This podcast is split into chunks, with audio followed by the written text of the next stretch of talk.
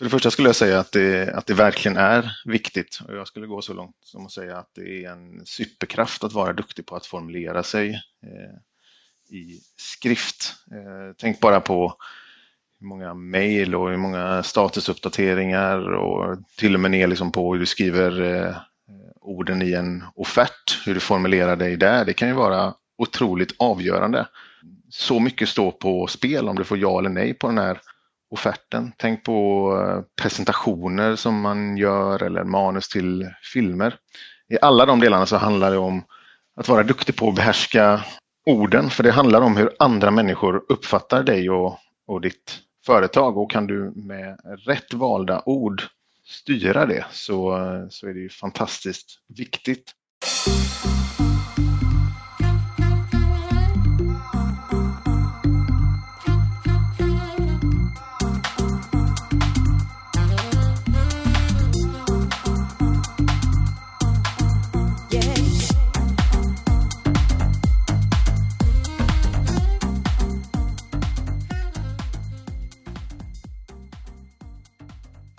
Välkommen till Digital marknadsföring med Tony Hammarlund.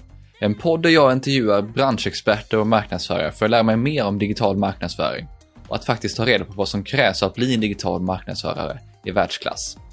I veckans avsnitt intervjuar jag Mattias Åkerberg som jobbar som copywriter i över 13 år. Han började sin karriär på reklambyrån Valentino Byr, men frilansar sedan många år tillbaka. Under tiden Mattias studerade till copywriter startade han också bloggen Please Copy Me som växte från att följas av några klasskamrater till att några år senare locka omkring tusen reklamintresserade varje dag. Som om det inte vore nog så har Mattias även skrivit boken Sälj med ord tillsammans med Christer Wiklander. En bok som du även har chansen att ladda ner helt gratis efter att du har lyssnat. Jag pratar i det här avsnittet med Mattias om vad copywriting är och varför det faktiskt är en superkraft för oss marknadsförare.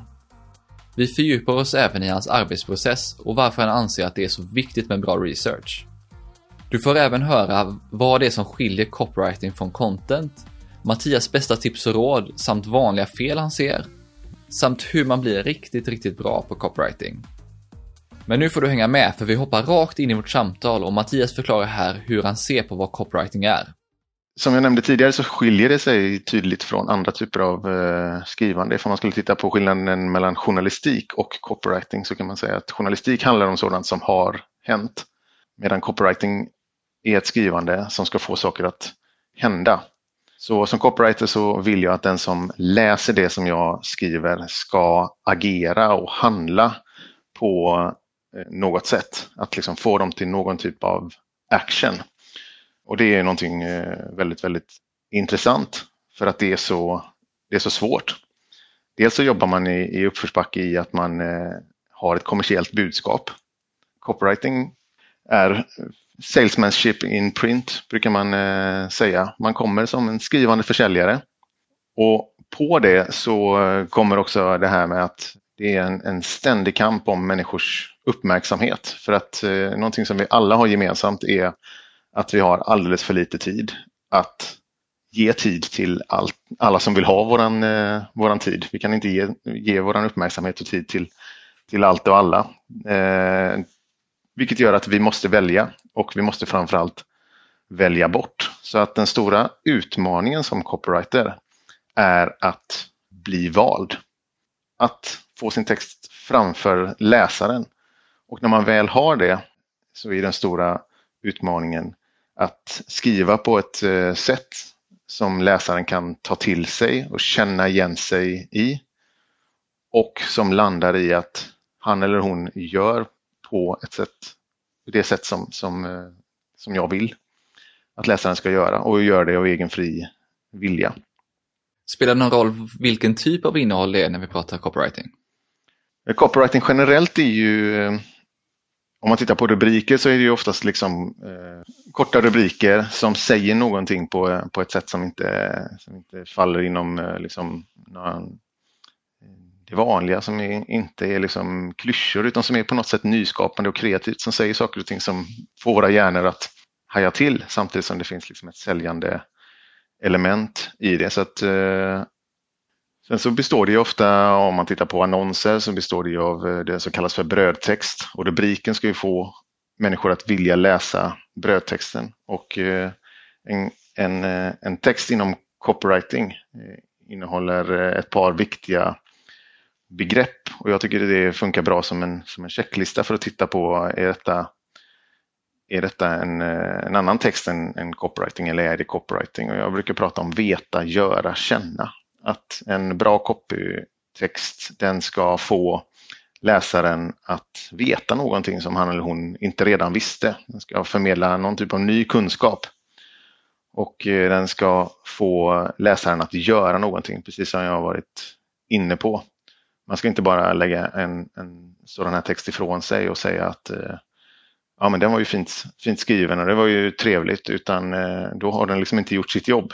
Utan den ska få någon att göra någonting och där ska man i sina texter tänka på att vara väldigt tydlig med att skriva. Vad vill jag att läsaren ska göra efter att ha läst den här texten? Och Det kan ju vara att eh, gå in och köpa eh, någonting såklart, men det kan också vara att anmäla sig till något. Eh, det kan vara att, eh, att rösta på ett speciellt parti eller att eh, sluta med en, en dålig vana. Så att det är inte i, i 100 procent av fallen ett, ett köp, men någon typ av action, någon typ av handling. Idag så pratar vi, du var inne på content marketing och vi pratar ju ofta om att skapa innehåll oavsett om det handlar om content marketing-syfte på någon blogg eller liknande eller att det är i sociala medier. Och då pratar man just om att skapa innehåll. Är det samma sak som copywriting eller skiljer det sig där? De skiljer sig eh, definitivt åt men de, de lever ganska nära varandra vilket gör att din fråga är, är högst befogad. Eh, så som jag ser content och content marketing, eh, där handlar ju väldigt mycket om att skapa värdefullt innehåll som, som attraherar och som utbildar den som läser till ett köp där man möter den någonstans i, i köpresan och liksom flyttar den förhoppningsvis ett steg framåt. Man kan väl säga att content eh, generellt ska präglas av mindre sälj än vad, än vad copywriting eh, gör. För att eh, copywriting ska ju verkligen fånga och engagera den som läs, läser och skapa en, någon form av handling. Och, eh, så jag tycker att eh, content generellt är mer utbildande, upplysande medan eh, copywriting är rätt och slätt att sälja med ord. Ja, men det är jättebra att få den eh, distinktionen däremellan. Någonting som jag brukar försöka få med det är just att få lite exempel både för mig själv men också de som lyssnar på vad bra copywriting är. Så om du har några konkreta exempel på framförallt kanske svenska företag som jobbar bra med copy? Det första exemplet som, som osökt kommer eh, till mig när du frågar är Klarna. Och de, de arbetar ju med ekonomi eh, rätt och slätt. Och det är ju någonting som är ganska krångligt och det är ju, inte, det är ju kanske inte liksom det roligaste som, eh, som finns i människors eh, liv. Men de lyckas göra det enkelt och jag upplever att jobben, ett stor, en stor del av det jobbet eh, gör orden för dem. Och bara en sån grej som att de, de har uppfunnit ett eget ord där de pratar om att eh, det ska vara smooth. Och om man tittar nära, nära på det ordet så, så har de eh, faktiskt, de använder tre O. Eh, medan liksom det i, i det engelska ordet som, som finns är, är två O. Så att eh, jag gillar verkligen hur Klarna använder enkla ord för att förklara eh, saker och ting som skulle kunna gjorts väldigt krångligt som att eh, dela upp, eh, betala sen eller att pausa en faktura. Vad är det som gör att det är så bra enligt dig? Ja, det är, jag, jag, tror att det handlar väldigt mycket om att våga använda enkla ord och lägga sitt språk väldigt nära så som folk benämner det och som folk pratar. För då upplever jag att många känner sig hemma i det. Jag gör så själv i min egen process att jag ber alltid om att få prata med mina uppdragsgivares kunder. Mina kunders kunder ser jag alltid till att eh, få prata med. Dels så har de alltid väldigt mycket intressant att säga och de ger, ger sin osminkade bild av eh, den här produkten eller tjänsten. Och det, är också, det är någonting som jag givetvis kan använda men än mer så lyssnar jag på hur de resonerar och hur de pratar, vilka ord de eh, använder.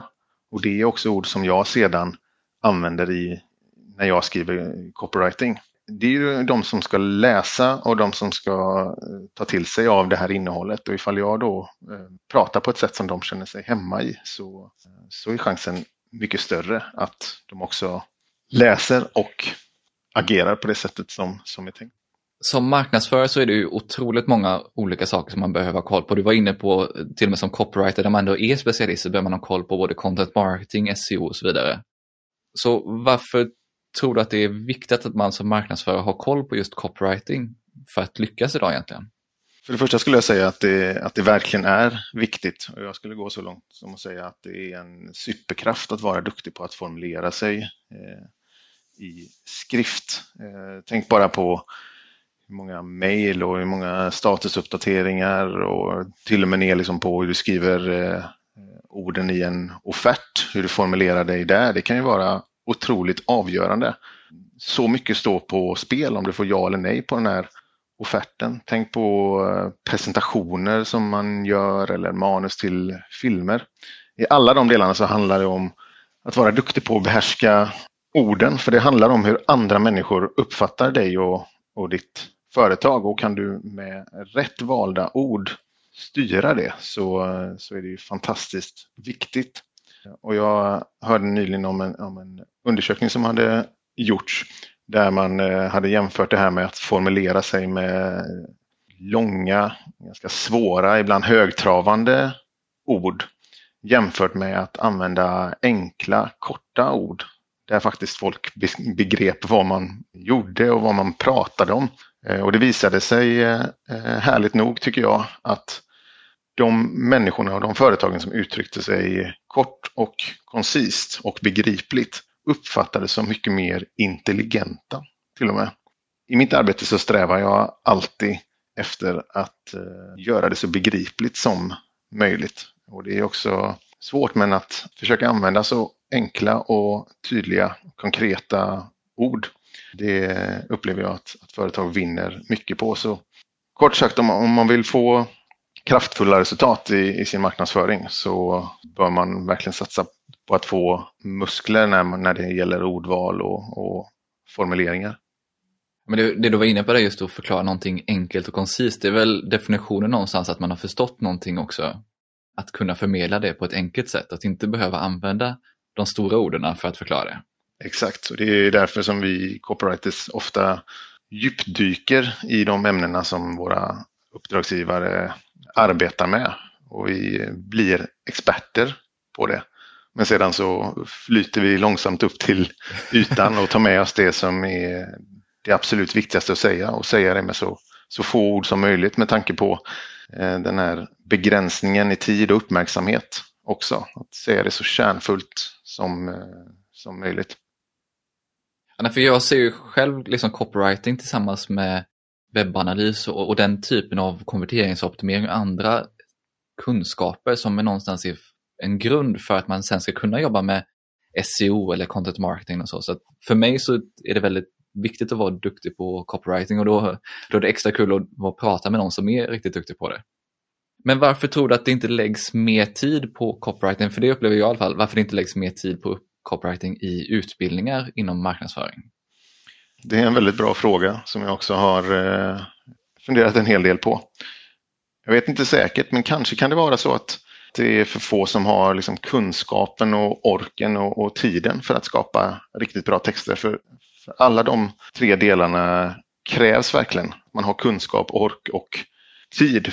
Som jag nämnde, så när vi satte oss ner och skrev innehållsförteckningen till Sälj det med ord så förstod vi att den första delen i den här processen är research. Att eh, lägga väldigt mycket tid på att göra research på olika sätt. Att förstå sitt företag eller sitt kund, sin, sin kunds företag eller den uppdragsgivaren som man arbetar med. Att eh, göra research på eh, målgruppen, på de människorna som man vill nå och att förstå marknaden. Det, det tar mycket tid och sedan så ska det övergå i ett idéarbete där man kreativt ska, ska hitta hur man ska föra fram det här budskapet.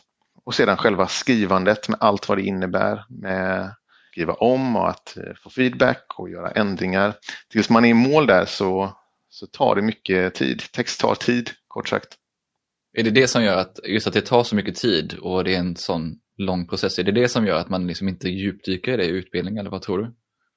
Det kan mycket väl eh, vara det. En annan del av det är att det, jag upplever att det många gånger är eh, lättare eller kanske till och med finare att arbeta med strategiska dokument, att dra upp riktlinjer och skapa manualer och, och sedan hoppa direkt till den där biten där man eh, mäter och analyserar för det blir väldigt svart på, på vitt. Men det är liksom som föds där emellan, det, de strategiska riktlinjerna och själva mätandet, det där skrivandet, det viktiga skrivandet däremellan, det är liksom både en konst och en vetenskap och det är framförallt ett hantverk. Ett hantverk och, det, och när man gör ett hantverk så är, det, så är det någonting kreativt och någonting ömtåligt. Och eh, alla kan tycka till om det och som jag sa så tar det tid att skriva. Du måste ha tänkt till och gjort mycket research. Sen när det väl är klart så kan alla tycka till om det. Och det, det Men så är det väl med marknadsföring generellt, liksom, att alla kan ha åsikter om något man har skapat är bra. Absolut. Oavsett Absolut. om man har kunskap om det eller inte. Så all, all typ av marknadsföring är ju liksom så tuff att skapa. Det är, det är kanske lättare på något sätt att prata om vad man ska göra och sedan mäta vad man har gjort. Men att skapa det där eh, som jag kallar ömtåliga eh, i, i mitten. När må, allt för många är in och tycker så kan mycket bra gå förlorat längs, längs vägen. Som copyright så skriver man, jag ju alltid för någon annan. Jag skriver alltid på uppdrag av någon annan. Så ett ord som jag ytterst sällan använder är ju jag. För att jag skriver inte utifrån mig själv utan jag hittar nog ett företags röst och sätt att uttrycka sig.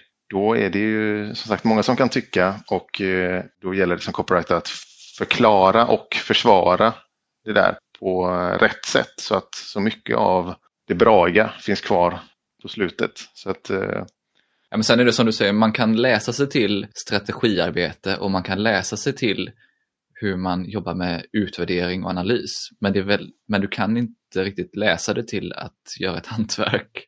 Där Nej. är det de 10 000 timmarna som behövs. Ja, verkligen. Verkligen. Och eh, så mycket sammanhängande tid som möjligt skulle jag eh, slå ett slag för också. Eh, 10 000 timmar är, är fantastiskt att kunna lägga ner i någonting som man är jätteduktig på. Men, men det som är, är problemet för, inte bara för oss skribenter utan allmänt upplever jag i arbetslivet idag att man ger sig själv så lite sammanhängande tid att sitta ner och fokusera på en enda sak. Och det är någonting som jag kämpar med och, och har som mål varje dag. Att få så mycket sammanhängande tid som möjligt att tänka och att skriva. Så att det inte är utspritt över 10 000 dagar också. Nej, precis. Helst inte. Utan att verkligen eh, få helst flera timmar varje dag då man, då man faktiskt sätter sig ner och tänker och skriver. Och därför undviker jag möten i mitt arbete så, så mycket som, som möjligt för att verkligen få göra det som jag är satt att göra. Du var inne på lite processen där du gick igenom med research och skapandet och så vidare. Så att om vi hoppar över någonstans på var börjar man när man ska skapa riktigt bra copy och hur gör man? Man börjar i research precis som du eh, nämner och det gör jag eh, alltid och det bör alla göra oavsett ifall man eh, som jag som copywriter skriver för mina uppdragsgivare. Eller ifall man tänker utifrån liksom eh, att man som företag och som varumärke ska göra jobbet själv så bör man alltid börja i research. För min del så handlar det om att lära känna kunden som jag ska göra jobbet för. Att verkligen lära känna kunden. Och inte bara som en logotyp och som ett varumärkes eller företagsnamn utan personerna bakom som är avsändare av den texten som jag kommer att skriva. Så jag tar reda mycket på dem och lär känna dem, var de bor, vad de har för familjesituation, vad de har för intressen, vad de gillar att resa och gillar för att lyssna på musik. Och det bäddar för ett långt och väl fungerande samarbete. Och sedan så pratar ju vi självklart om eh, företaget, jag får veta dess eh, historia och eh, mycket om produkten eller tjänsten som de, som de säljer. Och I den här dialogen så pratar vi givetvis också om vilka som är, vilka som är kunderna, hur de, eh, hur de ser ut idag och vilka man önskar nå som man kanske inte når redan idag. Och Vi pratar givetvis också om konkurrenterna. Så att, eh, jag bara suger åt mig massa, massa kunskap och jag är inte rädd för att, att ställa mycket frågor. Det är nyckeln till att få reda på saker och ting. Eh, många missar tyvärr den, den självklara delen att ställa bra frågor. Sedan så brukar jag använda mig av en eh, här ihopsamlingsmetod som jag har lärt mig av en duktig copywriter som heter Christer Maxe. Och han pratar om att man ens research bör resultera i, i fem stycken listor. Och det är en egenskapslista som beskriver, om, som skriver, beskriver liksom det tekniska kring produkten eller tjänsten. Och också en fördelslista. Och eh, generellt sett så kan man säga att fördelar är för de allra flesta människor mycket viktigare än vad egenskaperna är. Trots det så pratar väldigt många företag om just egenskaperna med produkten eller tjänsten som de säljer och fastnar liksom där och missar att prata om vad som verkligen är fördelarna för eh, kunden eller för den som använder den här produkten eller tjänsten. Så egenskapslista, fördelslista, en trovärdighetslista. Varför ska, ska man tro på, på er? Vilka, vilka bevis finns det för att ni är ett, ett bra företag och gör en riktigt, riktigt bra produkt? Och sedan den fjärde listan är en invändningslista. Alltså en lista över de invändningar, de eh, de orsaker till att inte eh, göra affärer med ditt företag som eh, folk kan ha. Och det är ju någonting som man också faktiskt kan bygga på i, i kommunikationen. Jag minns fortfarande en, en reklamkampanj som Viasat gjorde för ett par år sedan. De gick ut och frågade sina kunder vad är det sämsta med oss? och Det tyckte jag var otroligt modigt gjort. Och Det resulterade också i att de hade en åtgärdslista. De visste vad, vad de skulle förbättra. Hade de inte mm. ställt den frågan så hade de förmodligen fått gissa sig eh, till. Men nu visste de, de visste svart på vitt, de hade en lista på 200 åtgärder som, som eh, de skulle ta tag i och de kunde göra en topp tre-lista. Vad är det vi har störst förbättringspotential? Så en invändningslista är väldigt bra att göra också. Och att sedan i en femte lista göra en konkurrentlista, titta på vilka är våra, vilka är våra tre eller våra fem tuffaste konkurrenter och vad erbjuder de som vi kanske inte erbjuder? Du var ju inne också innan där med researchen här. Du pratar med företaget och här är det konkreta samtal med dem. Och sen pratade du, sa du innan också att du pratar med kundens kund. Exakt. Är det samma typ av, är det samtal eller är det formulär eller liknande som du samlar in data likt Viasat gjorde här då? Eller hur samlar du in vad kunderna verkligen tycker och vad de vill och så vidare? Jag ser alltid till att, att ringa dem och prata med dem i ett eh, telefonsamtal. För att det, det är liksom eh, opolerade svar på ett sätt som, som, man, eh, som kan gå förlorade ifall man ställer dem på, på annat sätt. Det här är någonting som jag, som jag alltid gör för att verkligen få en bild sen när jag själv sätter mig ner och skriver. Vem är det jag skriver, vem är det jag skriver de här texterna för och till? Och vilka ord använde de när jag pratade med dem och kunna använda det i texterna. Så att eh, det där eh, det finns olika tekniker kring, eh, kring det men kort sagt så kan man, kan man säga att ja, kundernas, kunderna är ibland de bästa copywritersarna. Så att lyssna på vad de säger och efter att man har gjort den här researchen så, så kommer jag alltid tillsammans med min uppdragsgivare fram till vad som ska skrivas. Så för min del så handlar jobbet som copywriter ofta om att skriva säljande texter till en webbplats. Det kan vara en landningssida, men det kan ibland vara en, en större webbplats också. Det kan vara säljbrev eh, eller allt vanligare nu, säljmail. Eh, det kan vara pressreleaser, det kan vara uppdateringar i sociala medier och det kan också liksom falla över på, på den där sidan som vi pratade om eh, tidigare med content. De senaste åren har jag fått allt fler förfrågningar om också skriva längre intervjuer och artiklar som är mer av content-innehåll. Därför menar jag också att copywriting och content lever väldigt, väldigt nära varandra. Nu har du bestämt vad ni ska göra för något. Vad gör du efter det då? Eh, men det är då det roliga börjar. Det är då själva skrivandet eh, börjar.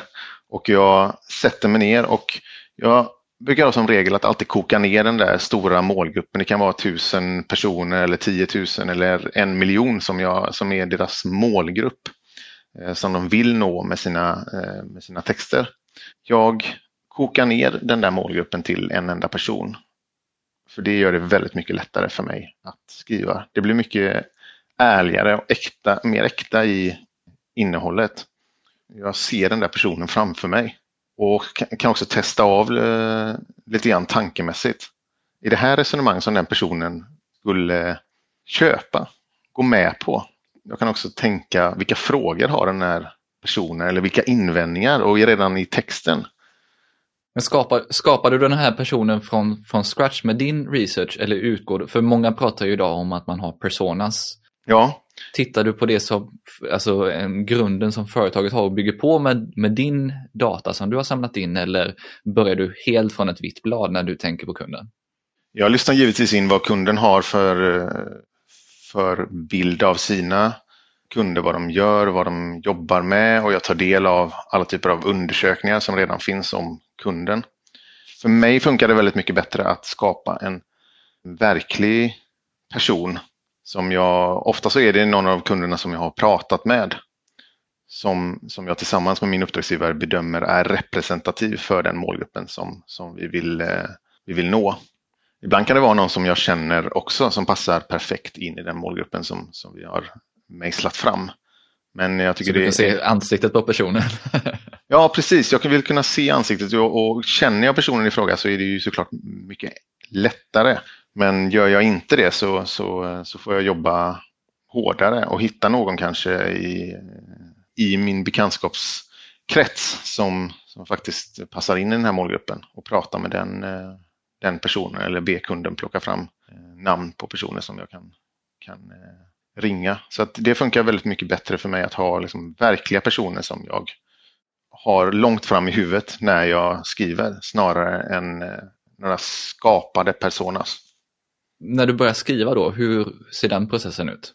Jag skiljer mig nog lite grann från, från många andra copywriters, för när man läser böcker i det här ämnet så, så, så pratar man mycket om att göra ett, ett första eh, utkast och det får vara hur dåligt som helst. Och sedan så skriver man om och om, om igen.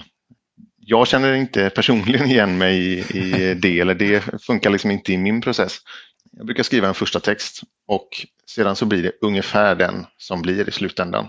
Och jag har full respekt för att det där skiljer sig åt mellan olika skribenter. Jag tror för egen del att jag har inte tid och tålamod att, att jobba med 15 olika versioner eh, av en text.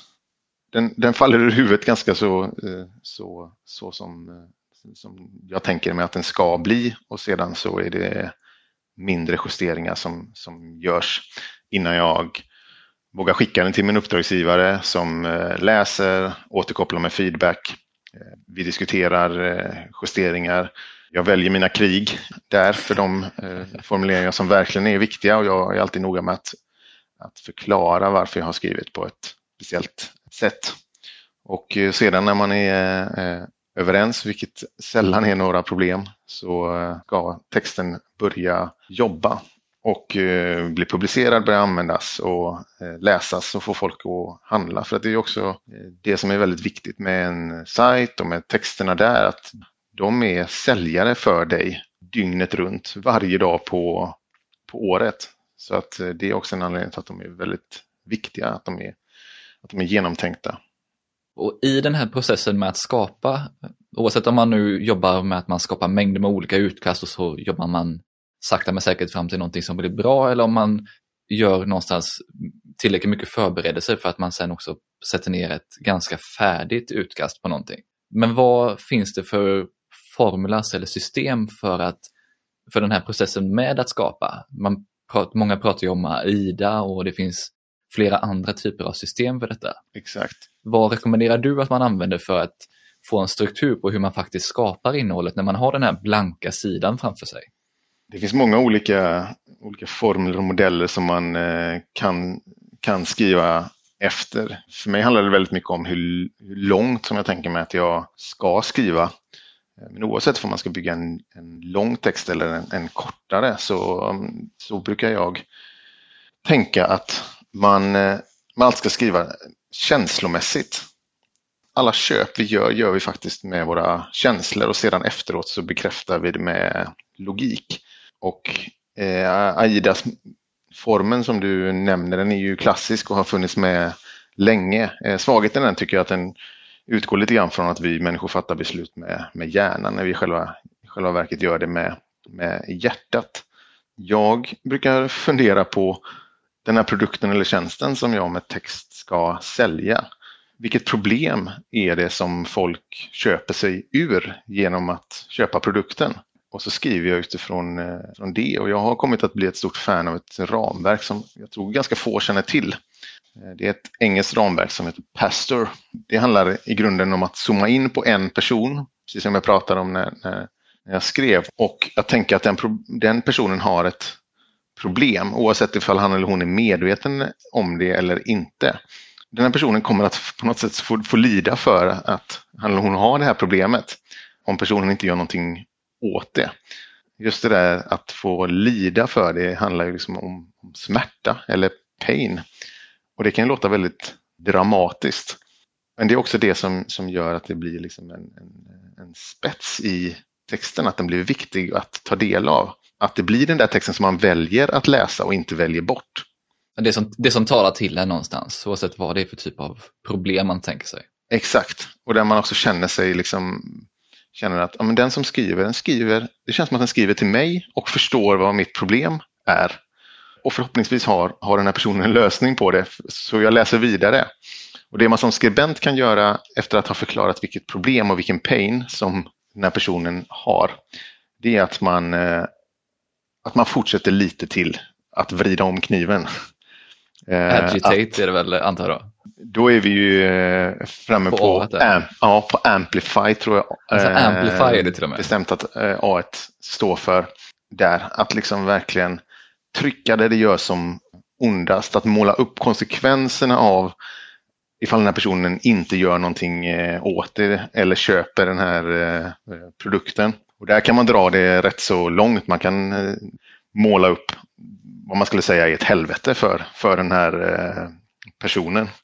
Sedan så ska man, ska man också visa, men om du gör någonting åt det så kan det här hända.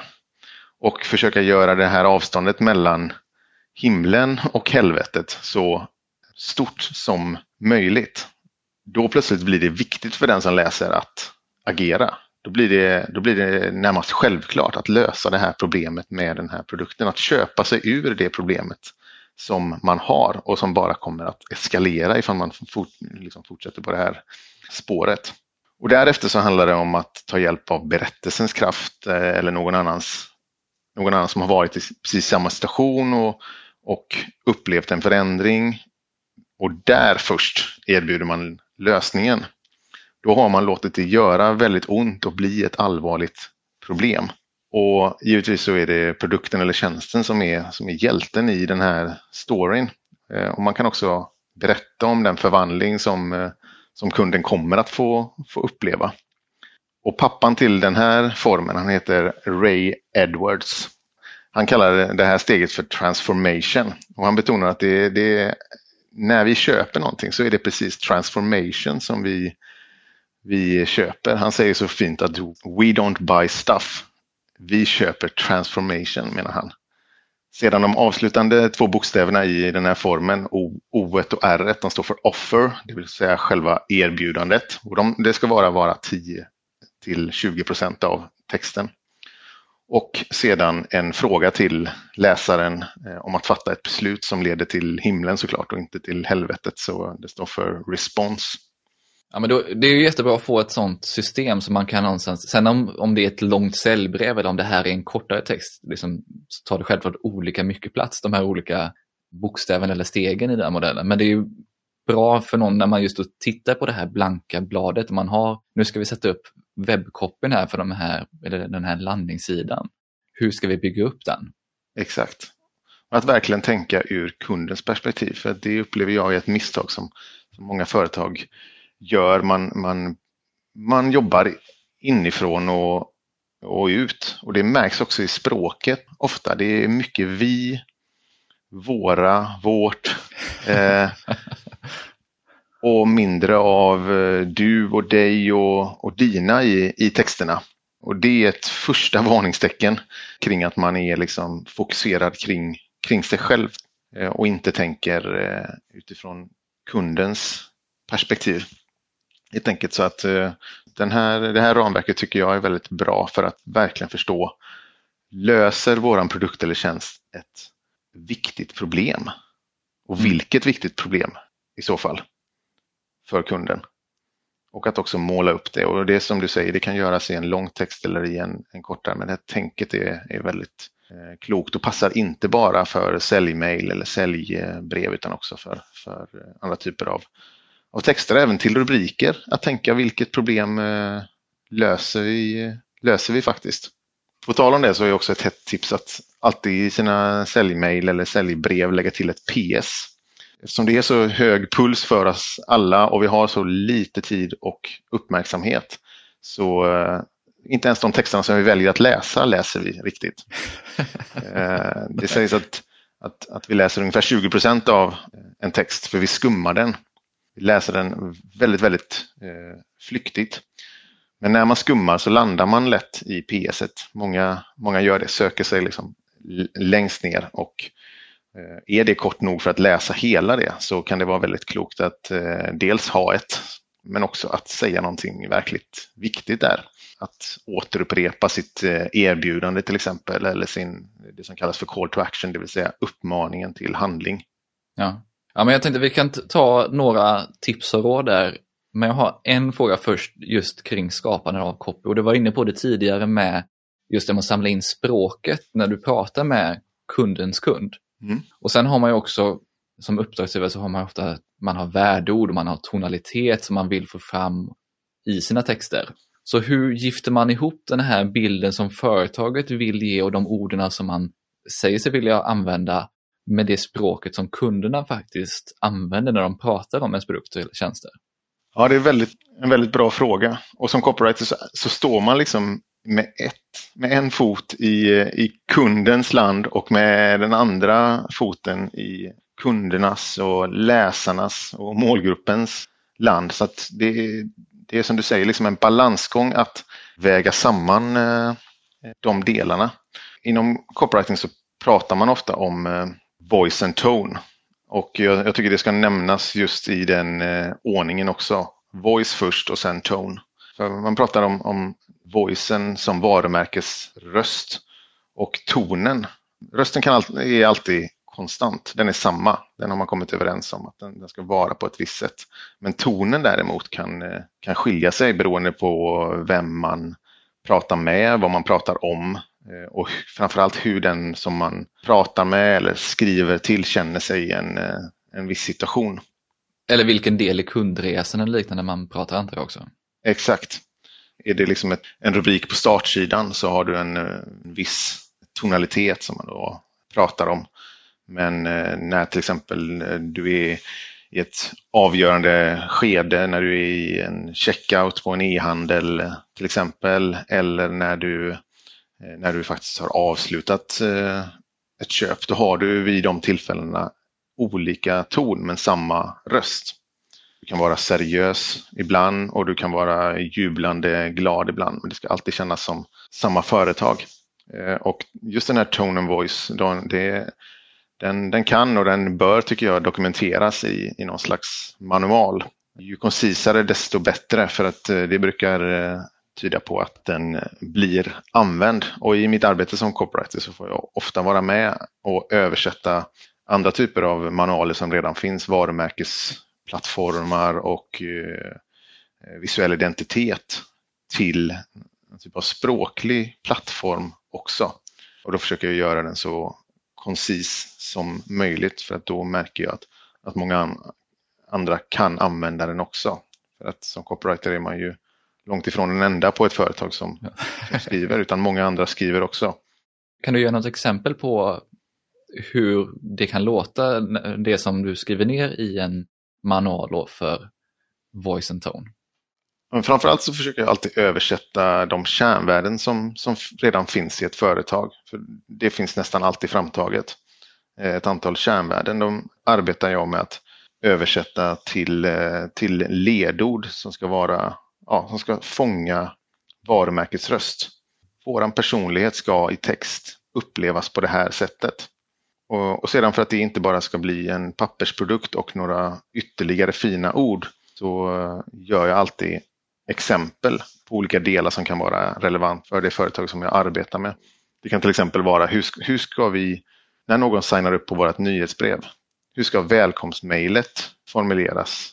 Exakt vilka ord ska vi, ska vi faktiskt välja där? När vi skriver uppdateringar på Instagram, hur ska vi, hur ska vi prata då? Hela vägen ner till eh, när någonting eh, går fel för fjortonde gången. Hur formulerar vi vårt felmeddelande eh, då? Så jag ger ett antal eh, exempel och skapar, skapar lite grann av en mall som man kan följa så att man inte upplever att man som ovan eller till och med ofrivillig skribent på ett företag känna att nu måste jag uppfinna hjulet här. Utan hjulet är redan uppfunnet, själva liksom ramen. Men sedan så kan jag inom de, de ramarna fylla på med, med mitt innehåll. Det kan handla om produkttexter, det kan handla om uppdateringar i i sociala medier. Det kan till och med handla om att skriva ett, ett stycke säljande text. Kan jag se hur vi har gjort och vad vi har gillat tidigare så, så är det lättare att utifrån det skapa. Ja, nej, det är jätteintressant att höra för det, det är det här som jag tror som många behöver för mycket av det innehållet som finns ute kring copywriting. Det är så väldigt fluffigt eller så är det väldigt enkla tips och råd om hur man gör rubriker eller vad det nu kan vara. Liksom att använd udda nummer i rubrikerna så får du bättre klickfrekvens. Men just det här, det svåra när man sitter och skapar texter och det som du säger nu, när man ska skapa någonting för ett företag och få det att efterlevas sen också. Om du får uppdrag att skapa den här manualen och kanske skapa lite webbcopy. Men sen ska det också, det är kul om företaget fortsätter att jobba bra med sitt innehåll och sina texter. Även Definitivt. när man inte är där. Definitivt. Man känner ju liksom någon typ av stolthet i det kvar själv sen också, tycker jag i alla fall. Absolut. Ingenting glädjer en copywriter mer än när, när man ser att, att den grunden som man har varit med och lagt faktiskt förvaltas eh, på, ett, på ett klokt sätt. Ja. Eh, och där de inspireras och också vågar inom de här ramarna vara, vara kreativa själva. Och då blir ju resultatet allra, allra bäst såklart. Så det, det glädjer en att se. Men jag tycker vi har fått ihop de här bitarna ganska väl för hur man faktiskt jobbar med copywriting på ett konkret sätt. Men även om jag säger det här med tips och råd, att vi inte bara behöver ha de här enkla sakerna, så känns det som att vi måste ändå lyfta upp några av dina tips och råd och kanske vad du ser att företag går fel ofta eller gör misstag när det gäller innehåll och copywriting. Som vi varit inne lite grann på så ser jag ett vanligt misstag som ja, i stort sett alla företag eh, lider av är just det här inifrån och ut-tänket. Eh, det ser jag hela, hela tiden. Där skulle jag uppmana till att, att vända på det. Tänk att du vore, vore din kund. Varför skulle jag köpa det här? Vad för fördelar skulle det vara för mig och vilket problem skulle det lösa? Men det finns ett enda ställe där det faktiskt är eh, riktigt okej okay för företag att prata om, om sig själva och det är på eh, om oss-sidan. Eh, och det har visat sig vara en av de mest besökta sidorna på sajter. Men också en av de mest bortglömda sidorna som, när man skapar den. Ja, det känns så väldigt, väldigt eh, ofta när man går in på Moss-sidor. För där har, man, där har man verkligen möjligheten eftersom den är så välbesökt. För folk vill veta vilka, eh, vilka människor som de gör affärer med. De vill veta vilka som står bakom det här företaget och de vill förstå är de fyra stycken eller är de 400? Och oavsett så vill de få en bild av företaget. Och många tänker att om de ska få en bild av företaget då börjar vi med våra kärnvärden och värdeord. Men de säger väldigt, väldigt lite och jag tycker att kärnvärden ska egentligen aldrig kommuniceras utåt. De ska kännas, de ska inte sägas. Men på sin sida så har man verkligen chansen att eh, trycka på, man har eh, chansen att vara personlig man har chansen att berätta sin story, att liksom själv ställa sig där på scenen med, med namn och ansikte och säga någonting på, på riktigt. Där tror jag att företag direkt den här eh, veckan kan börja arbeta med, eh, med sin om oss-sida och säga den på ett sätt som är som är intressant och som lyfter upp de människorna som arbetar där på ett äkta sätt. Så som man skulle presentera sig om man satt bredvid någon på en, en middag till exempel med den enkel, enkelheten och tydligheten. Använda ett vardagligt språk för att förklara vad man gör och vilka problem man löser och vilka man är också. Så eh, där finns mycket att göra för alla företag. Ett annat misstag som jag ser ofta är att man eh, har skrivit texten, eller det upplevs i alla fall så. Man skriver texten och lägger rätt så mycket energi på den. Och sedan, just det, ska man ju skriva en rubrik också. Och det får minimal, eh, minimalt med, med tid och tankekraft. Där skulle man kunna vända på hela den processen och lägga mycket, mycket större del av, av tankekraften och arbetsinsatsen i tid till att skriva bra rubriker. Och är det någonting som jag jobbar med, jag nämnde ju att jag inte, att jag inte gjorde massa versioner och utkast av en text, men däremot så skriver jag alltid mer än en rubrik. Inte som jag presenterar för, för kunden, men för min egen kreativa process så skriver jag allt emellan 5 och upp till 20 olika varianter på rubriker. Och jämför och testar och ofta så blir det som en kreativ process i sig. Att jag, någonting som jag har skrivit bygger på tankemässigt, ja, men då kanske jag skulle föra in det här. Och att verkligen utsätta den för det här testet. Skulle jag själv ha klickat på den här rubriken eller man kan tänka tillbaka till några av de här kunderna som man har pratat med är den här rubriken tillräckligt vass för att, för att de skulle vilja klicka på den och vilja läsa den här texten? Så lägg mer kraft på, på rubriken, den kräver mer kärlek eftersom den är helt avgörande ifall texten kommer bli läst eh, eller inte. Och sedan igen detta med att framhålla fördelarna, att inte fastna i det tekniska och att använda ord som folk förstår snarare än långa komplicerade ord och tänka på att vi köper lösningar. Så att när man kommer till skrivandet, slappna av, våga vara påhittig, våga experimentera, säg någonting nytt och någonting spännande som inte, eh, som inte konkurrenterna säger. Ja, men det är jättebra tips och jättebra regler att följa någonstans. Men avslutningsvis så brukar jag försöka också när vi kommer in på lite mer för mig som marknadsförare. Hur blir man då en riktigt duktig copywriter eller en marknadsförare som är väldigt duktig på copywriting? Ja, det är en väldigt bra fråga och man önskar ju, också jag önskar, att det fanns en eh, knapp som man kunde trycka på som var liksom den enkla vägen. Jag vill bli duktig på att skriva. Ja, check eh, på det. Det finns en sådan väg men den är inte så enkel och det är genom att öva sig mycket på att skriva att ta på sig ansvaret för att skriva texter för, för sitt företag och att se det som en läroprocess. Och där kan det vara väldigt bra att ha en, duktig ordperson att bolla sina texter med. Men att verkligen ge, ge sig på det och vara den som formulerar det där första utkastet som sedan någon annan sen kan liksom skruva på. Men eh, man blir definitivt inte bättre på att skriva ifall man inte hela tiden varje dag, varje vecka gör det, skriver. Och det där kan ju låta som ett liksom, fabriksjobb egentligen och det är faktiskt precis vad det, vad det är. Eh, jag tycker ju att det är världens roligaste fabriksjobb. Att få checka in varje dag och skriva. Sedan utvecklas man väldigt mycket i sitt språk också genom att läsa, läsa skönlitteratur, facklitteratur, allt. Så att se alltid till att ha någon form av bok med dig. Och man behöver inte dra upp liksom fantastiskt stora planer för att bli duktig på att skriva.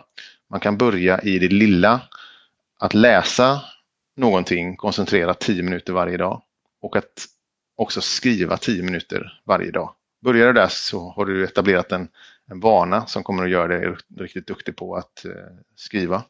Och om man är precis i början så, så tycker jag också att man ska kolla in andras jobb. Så gjorde jag när jag startade min blogg fundera på hur skriver andra? Vad är det som är bra i det? När jag utbildar blivande copywriter så går jag till och med så långt så att jag låter dem eh, skriva av texter som de tycker är riktigt bra. Eh, det var ju ett straff närmast när man gick i, i skolan, men att göra det som en övning, det gör att man lär sig eh, och hjärnan lär sig och dina fingrar lär sig hur man skriver på det sättet. För att skrivande och copywriting handlar också om att skriva med känsla och med flyt och med takt i texten.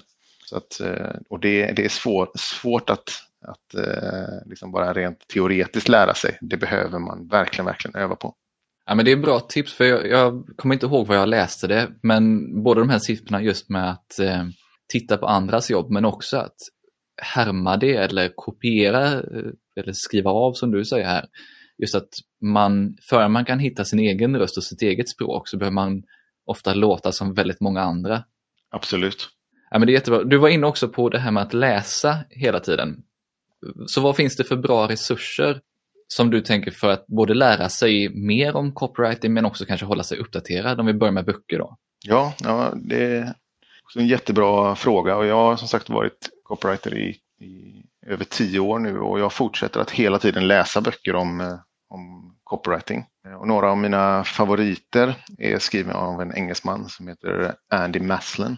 Han har skrivit ett, eh, ett antal bra böcker. Jag rekommenderar alla att läsa en bok som heter Right to Sell. Eh, han har också skrivit en bok för oss som arbetar som frilansande copywriters som heter Right Copy Make Money. Eh, och nyligen så har han utkommit med en ny bok som heter Persuasive Copywriting. Det handlar väldigt mycket om att förstå påverkan och beslutspsykologi också för att kunna använda det i sina texter. Eh, och en annan man som har skrivit en fascinerande bok på det eh, ämnet, han heter Phil M. Jones. Han har skrivit en, en bok som heter Exactly what to say och den är väldigt fascinerande. Den handlar om att göra ordval som gör att folk gör som du, som du önskar och det finns en otrolig kraft i att förstå det.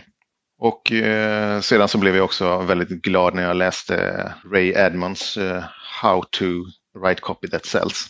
Och eh, vi har ju nämnt Christer Wiklanders och min eh, bok Sälj det med ord som eh, jag, part i målet såklart, tycker håller, håller än eh, eftersom många råd om copywriting faktiskt är eviga. Sedan så tycker jag också att man, eh, om man vill bli duktig på copywriting, ska läsa boken Nya ord till salu, eh, där fyra begåvade svenska copywriters berättar om sitt yrke och hur, hur de går tillväga när de, när de skriver sina texter. Ja, men det är en riktigt bra lista där på böcker, så det, det sparar jag ner direkt och kommer slänga in i poddinlägget här också. Toppen. Finns det några andra saker, för det här är ju, och du var ju inne på mycket på att läsa, men finns det några poddar eller YouTube-kanaler eller någonting, några andra resurser som du rekommenderar just för copywriters eller kanske kurser för copywriters? Kurser och utbildningar finns det en hel del och de flesta är det finns både längre utbildningar på, på två år och man kan även läsa copywriting på distans eh, från olika reklamskolor i Stockholm.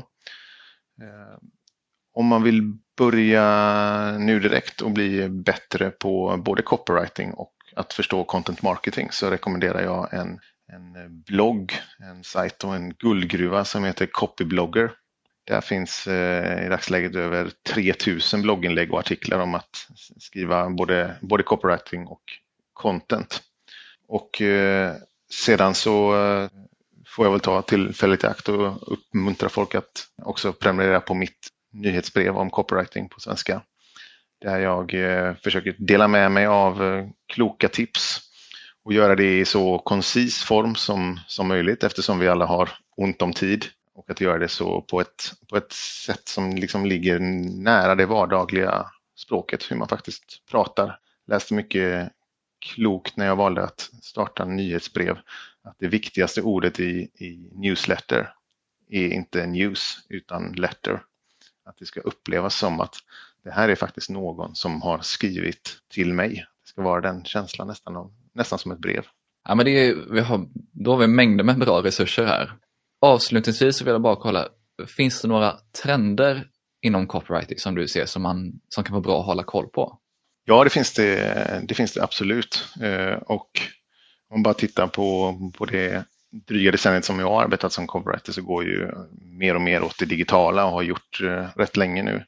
Det som kallas för UX-writing är en stor grej som eh, fler och fler copywriters upptäcker och intresserar sig för. Det vill säga att skriva hjälpande och koncist för webbplatser och för appar.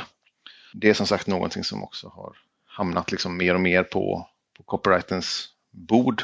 Och eh, sedan så, så handlar det också om eh, att contentproduktion också landar på, på eh, vårt bord. Och som, eh, som det har tagits upp eh, tidigare i, i den här podden så, så tycker jag också att branschen behöver bli duktigare på, på själva produktionen av innehåll, det faktiska skrivarbetet att in, och att inte bara fokusera på strategier och att distribuera och, och mäta. Men att, att mer och mer av copywriting-yrket blir digitalt är också väldigt roligt tycker jag för att det, det går ju att mäta och det går att optimera. Det går, att, eh, det går att testa ifall den rubriken funkar bättre än den rubriken eh, och sedan optimera textinnehållet på en eh, sajt till exempel. Man kan ju få annan typ av feedback än vad man kan på vad ska man säga, andra typer av medier. Det är just att du kan se no hur någon interagerar. Du, kan inte, du behöver inte bara fokusera på ett köp, utan du kan också se vad man faktiskt gör. Precis. Så det är, det är rätt intressant. Jätte, jättespännande utveckling. Jag ser också en, eh, kanske inte en trend utan, utan eh, någonting mycket mer liksom grundläggande. Man pratar om eh, conversational copywriting. Där det handlar om att skriva som man, som man pratar. Men det behöver inte vara nödvändigtvis talspråk, men, men den liksom språknivån som man eh, Ja, men tänk på bemötande till exempel som du får när du går in som stammis i en eh, butik där man inte krånglar till det, där man inte använder eh, långa svåra ord utan där man, där man skriver som man pratar. Conversational copywriting heter det. Och överlag så, så upplever jag att copywriter-rollen blir allt, allt bredare.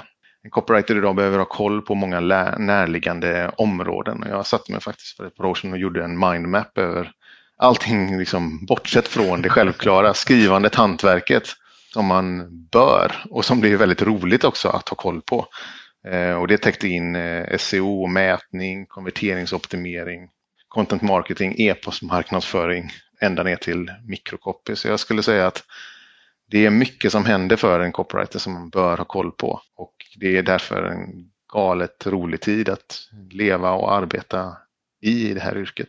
En av dina sista resurser du nämnde var just ditt nyhetsbrev som du har. Du har ju både ett nyhetsbrev för copywriting på svenska men sen har du också ett för UX-writing på engelska. Stämmer. Om vi avslutar någonstans med vad följer man dig bäst?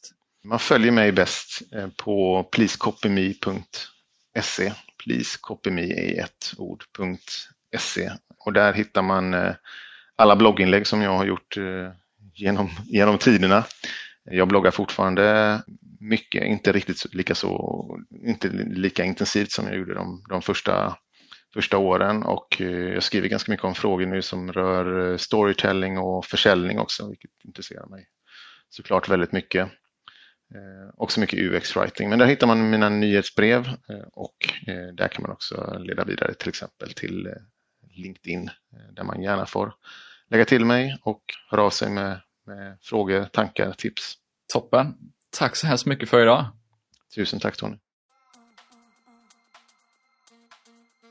Det här är ett av mina absoluta favoritämnen och Mattias delade med sig med mängder med bra kunskap i det här avsnittet. Inte minst hur viktigt det är med bra research för att skapa riktigt bra texter. Mattias nämnde ett gäng med böcker och andra resurser i avsnittet och dessa finns självklart listade i poddinlägget. Du hittar det i din podcastapp eller på tonyhammarlund.io.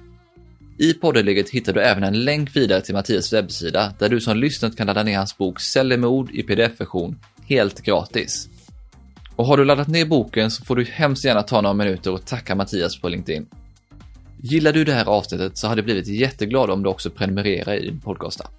Och skicka gärna en kontaktförfrågan på LinkedIn. Jag vill även passa på att tacka Mikael på Music som hjälper till att producera den här podden och står för musiken. Vi hörs snart igen.